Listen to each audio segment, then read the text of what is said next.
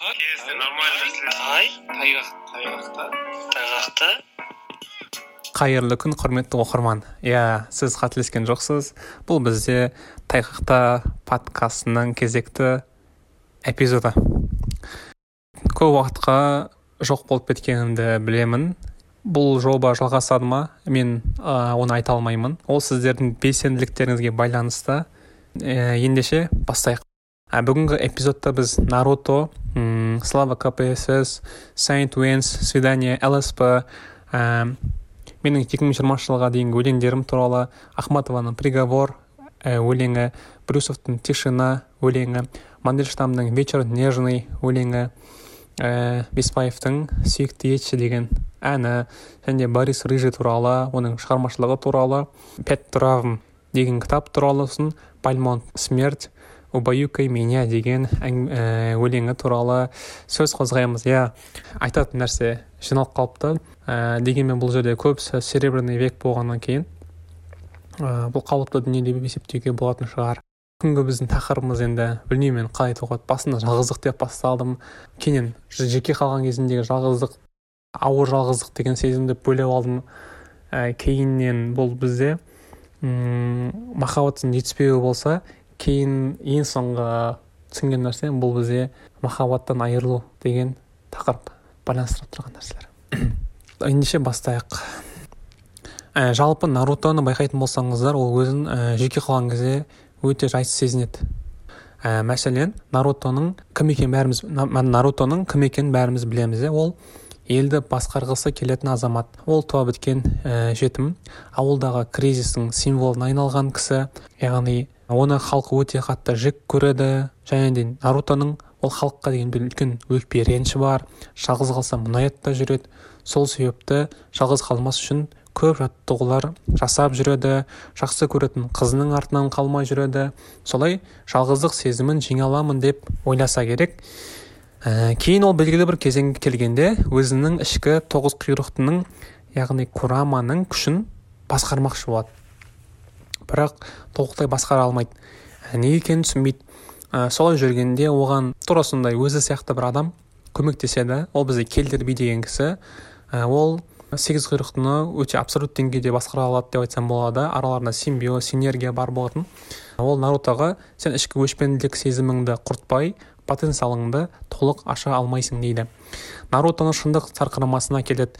Ол сарқыраманың ерекшелігі сол өзінің ішкі сезіміне өзінің ішкі менін яғни эгосын дейміз бе абайша менін дейміз сырттай бақылай алады яғни. Өзінің кей мінезі жинақталған штрих өзімен сұхбаттаса сөйлесе байланысқа түсе алады деп айтсақ болады. А осознанность деген тақырып өте қатты өзекті болып кетті ғой. Сол осознанность деген ең бірінші бізге платонның үңгірдегі оқиғасы еске түседі да. Түйінде үңгірдегі өзіңе сырттай қарай ал деген бір үлкен бір ә, сөзі бар да. Яғни ол осознанность деген нәрсе осылай ә, әкелсе керек. Ә, яғни наруто өзінің сол ішкі мінездеріне сырттай қарап бақылай алуы керек етін ол соны жасайды. Және де ол жердегі ішкі сезімі ол мен бәріне ә, халықтың қателескенін дәлелдеуім керек. Олардың мені жек көргені дұрыс емес. Мен соны дәлелдеуім керекпін мен ең мықты адам боламын. Сосын олар мені жақсы көретін болады деп жүрген адамның сұлбасын көреді. Ақыр соңында өзінің сол болмысын қабылдап өкпе ренішін жеңіп сарқыраманың әр жағында өзін жақсы көріп шығады деп айтсам болады. Кейін құйрықтың күшін толық пайдаланбақ болғанда ата анасымен санасында кездеседі. Сосын барып ол ата анасының не себепті сондай бір іс әрекеттерге барғанын себебін түсінеді. Солай тоғыз құйрықты биджуді ең шебер түрде пайдаланатын адамдардың қатарынан болады. Түйіндейтін болсақ айтқанда өзіне сырттай қарай алды өзінің сол ішкі сезімдерінің түп тамырына барды ата анасының жасаған өзінің пікірінше дұрыс емес әрекетін дұрыс екенін түсінді деп айтсам болатын шығар бәлкім. Яғни қабылдап кешірген шығар. Гара деген кісі бар сосын. Ә, гара деген тура өз нарутоға ұқсас адам. Гараға деген махаббат тек анасының сіңілісінде ғана болатын. Олардың арасында мынадай бір диалогта болған. Яғни әпке неге, неге екенін білмеймін. Менің мына көкірек тұсым ауырады да тұрады деп жүрегін көрсетеді. Сонда ана ә, сонда әпкесі кара иә сенің физикалық жарақатың көзге көрінеді және емделуі де жеңіл. Бірақ жүректегі жарақаттан ауыр нәрсе жоқ. Дейді бұған қатысты сейнт уэнстің павлюченко деген адаммен жазған холд деген әні бар. Жалпы қазір көп ән тыңдамауға тырысамын дегенмен мына холд деген әнді бәріңіз білетін шығарсыздар. Және ол жерде мысалға мына музыкасын қоссам екен. Музыкасын қосып қоя салайық иә негізі қазір музыка қосқан подкасттарды тыңдай алмай жүрмін бар ғой Я бы прыгнул в эту реку, если бы не было человека, который утонет, если прыгнет за мной. яғни ә, қасындағы адам тоңып қалмасын деп өмір сүрген бір адамдап айтқанда бұлар бір біріне бір мұқтаждап айтқанда. Біріншісінің өмір сүруі екіншісіне байланысты болып тұр да. Сондай бір мәселе бар сияқты. Ә, сосын свидание бұған қатысты мен бірден айта салайын ә, лспның ә, монетка деген әні бар. Свиданиенің в груди деген әні бар. Моем сердце дырка, мне нужна таблетка. бұл жерде де жаңағы ішкі бір андай қажеттілікті өтей алмау андай көкіректегі бір бос кеуде деген бір ұғымды осылар қатты қозғайды деп айтсам болады. Бұларды мен мүлдем тыңдамаймын. Дегенмен де тақырыпқа қатысты болғаннан кейін есіме түсіп кетті осы тақырып осы өлеңдер. Негізі подкасттың шығуы мына земфираның бордерлайн деген ә, альбомы шығуымен байланысты болған. Яғни подкасттың қай уақытта шығуы керек екенін түсініп шығарсыз қазір. Ә, маған қатты ұнаған жоқ негізінен ол. Бірақ ішінде екі үш өлеңі бар екен. Ол батырхан шүкеновтың под дождем деген сияқты бір әндермен ұқсайды екен да маған сол земфирамен ә, батырхан шүкенов сол өлең әндерінде айтқанда бір біріне уақыттан тыс кеңістіктен тыс диалогқа түскендей болды да. Ә, ол жақсы көретін адамына айтып жатыр да. Біз бәрібір бір үйде тұра алмаймыз. Себебі мен андай мрачный өмір сүруге үйреніп қалғанмын. Қарапайымдылықты жалпы обыденностьті мен жақсы көрмеймін деген сияқты әңгімелері бар да. Сол земфираны алатын болсақ былай айтқанда қаншама жыл болды сол ә, бір ішкі бір андай не бар бір сезім бар сияқты бір бунтовство дейміз бе? Е білмеймін мен. Мен сіздерге мен өлеңдер оқып берейін деп. Сол уақытта серебряный вектің кітабын оқып отырған едім бір. Жалпы білесіздер орыстардың күміс дәуір әдебиеті әдебиеттегі ең мықты кезеңдердің бірі болып саналады дегенмен ол күміс дәуір әдебиеті көңілсіздік дегеннің бір синонимі іспеттес. Сол жерде ә, мандельштам әрине олардың өте қатты үлкен бір көрнекті өкілі. Соның ә, вечер нежный сумрак важный гул за гулом вал за валом и в лице нам ветер влажный бьет соленым покрывалом все погасло все смешалось. Волны берегом хмелели. В нас вошла слепая радость и сердце отяжелели. Деген строфасы бар бұған келетін болсақ жалпы 1900 қателеспесем 1913 жылда жазылған өлең. Сол уақыттың өзінде бұл кісілердің ә, жүректерінде бір осындай бір сезім болған да и сердце отяжелели. Жүрегіндегі бір ауыртпалық сезімі бұл заманға байланысты емес деп айтқым келіп тұр да. Солардың бір замандасы валерий брюсов деген кісінің мынандай бір өлеңі бар. Қалай айтсам екен ііі бір біріне отсылкасы бар шығар сілтемесі аллюзия бар ма білмеймін. Ә, вечер мирный безмятежный. Мандельштамдікі білесіздер? Вечер нежный сумрак важный деп басталса брюсовтікі вечер мирный безмятежный кротко нам взглянул в глаза с грустью тайны, с грустью нежной, и в душе под тихим ветром накренились паруса. иә осы осындай бір сөзі бар. Тағы да бір уақыт жылжайық бальмонт. Бальмонт та сол дәуірдің әдебиетшісі. Енді бұл кісінің мынандай өлеңі бар енді. Смерть. Наклонись надо мной. Смерть. Убаюкай меня ә, дейді енді. Бұл кісі басқа кісілерге қарағанда ертерек өмір сүрген бір мың тоғыз жүзінші жылға дейін жазылғанына жазылуы тиіс бұл өлең негізінен. Бірақ та ә, бұл кісінің сондай бір өлеңі бар екен. Енді енді анна ахматова келейік. Ол кісіні білесіздер ә, жалпы гумилевпен бірге ә, өмір сүрген кейіннен гумилевті атып тастайды. Сосын біз бәріміз білетін лев гумилев деген балалары бар. Және ол баласы да отыз сегізінші жылы репрессияға ұшыраған кезінде бұл кісінің андай бір өлеңі шыққан еді. И упало каменное слово на мою еще живую грудь. Ничего ведь я была готова. Справлюсь с этим как-нибудь. У меня сегодня много дела. Надо память до конца убить. Надо чтобы душа окаменела. Надо снова научиться жить, а не то горячий шелест лета, словно праздник за моим окном. Я давно предчувствовала этот светлый день и опустелый дом. Дейді яғни и упало каменное слово айтқанда оның кеудесі әлі тірі да негізінен. Оның кеудесін тірі қылып ұстап тұрған оның баласы. Бірақ та ол соған дайын болса да оның кеудесіне тас сөз тиіп кетті дейді яғни баласының бес жыл репрессияда басқа бір жерде өзінің баласының бес жылға сыртқа айдалып бара жатқанын естіп қатты ауырсынады сол нәрсені. Бірақ та оның жүрегі әлі де тірі екенін көрсек болады.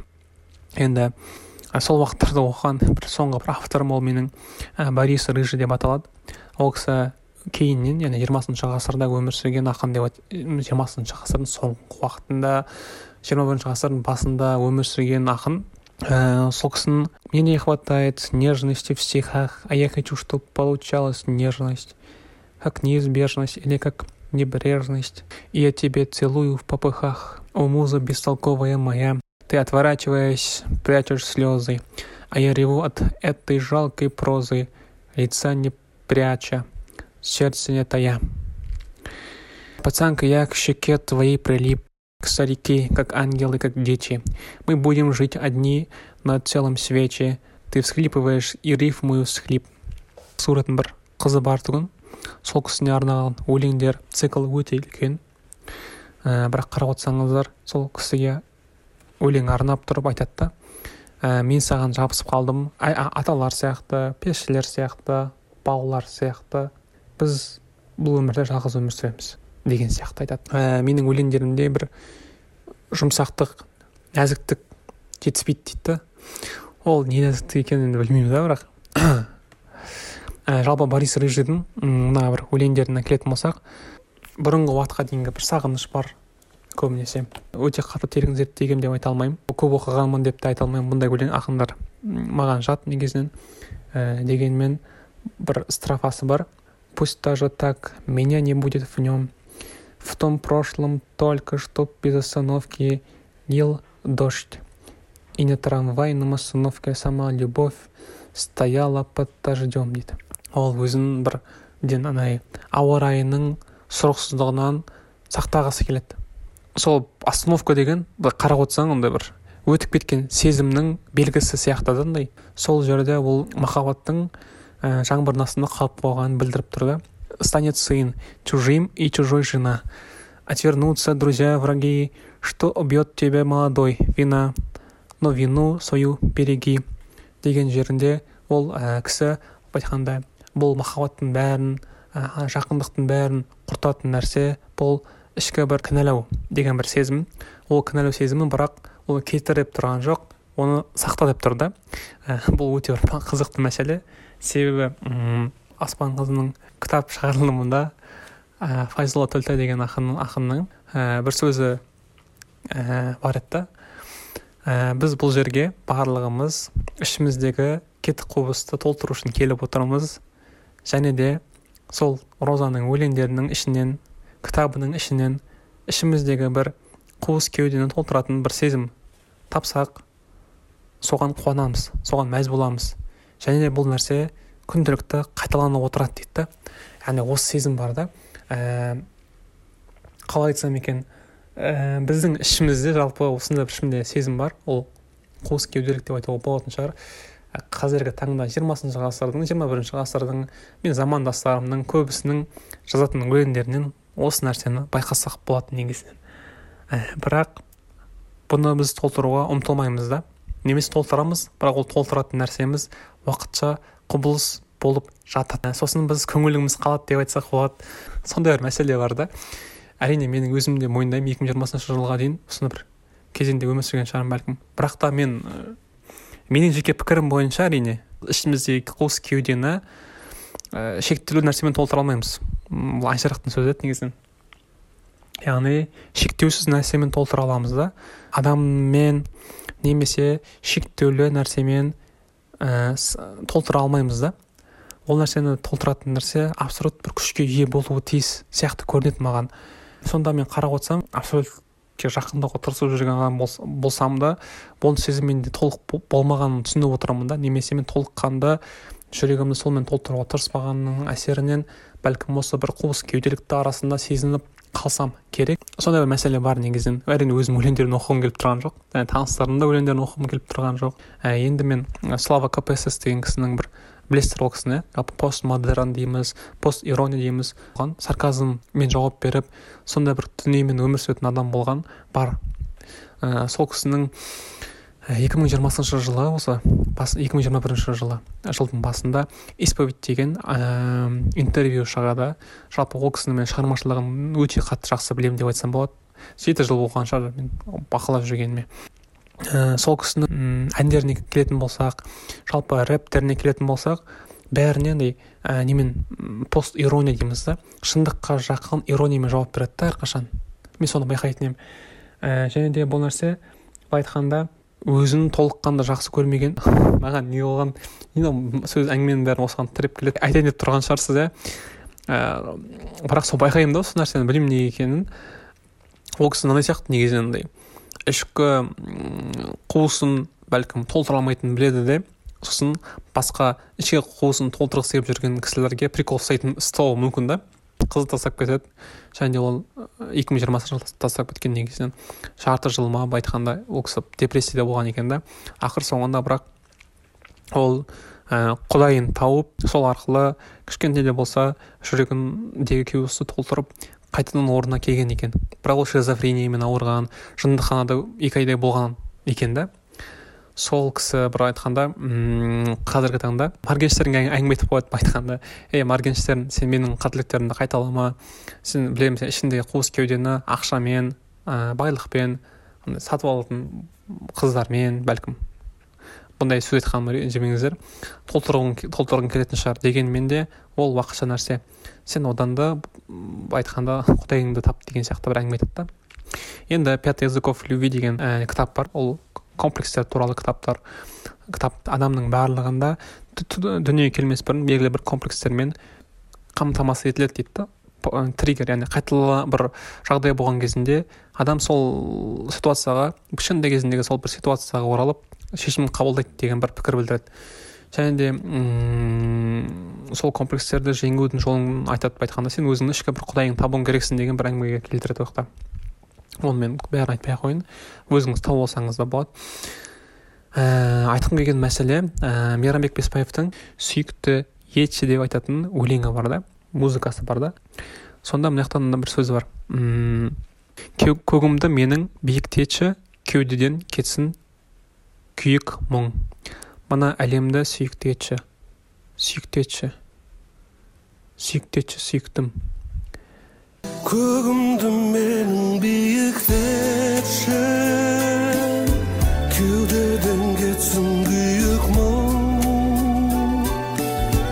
мына әлемді сүйіктетші деген бір сөздер бар ә, әрине бұл қыз туралы деп айтуға болатын шығар.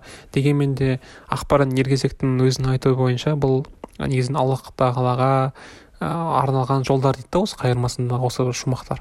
Жалпы метамодерннің бір белгісі шығар яғни екі түрлі мағынасын білдіргісі келген шығар.